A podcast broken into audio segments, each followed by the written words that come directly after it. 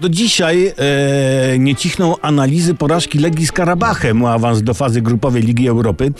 Nie chodzi tu o wyśmiewanie się z Legii, bo, bo bardzo warszawskiej drużynie osobiście kibicowałem. Każdej polskiej drużynie, która gra w rozgrywkach międzynarodowych kibicuję do upadłego, szczególnie jak se piwa na kupie. E, no, mecz Legii z Karabachem to był obraz takiej polskiej piłki ligowej, z którego to obrazu na zasadzie wyjątku wyłamał się Lech Poznań w tym roku. Nie powiem, który to jest rok z wiadomych względów.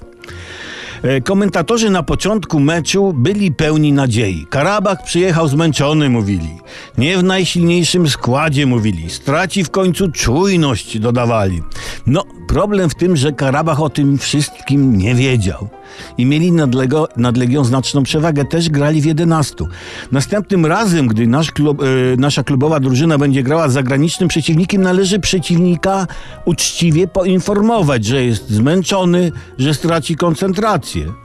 No i w pewnym momencie była taka statystyka, jeden strzał Legia, 14 Karabach. I tu, i tu może tkwi problem, że może e, nasze zespoły, ja, ja, ja tu się nie chcę wtrącać szkoleniowcom, nie, powinny więcej trochę strzelać. Nie? Czy jak mówili sprawozdawcy pod koniec meczu, trzeba lepiej dobierać zawodników, trenować system dostosowany do tych zawodników, a wtedy cóż, no, czas pokaże.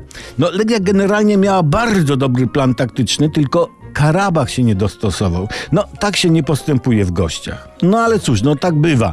Nie można zawsze wygrywać. W życiu jest też miejsce na porażkę. I jeśli porażki w Europie uczą, to nasze drużyny klubowe, no, są prymusami.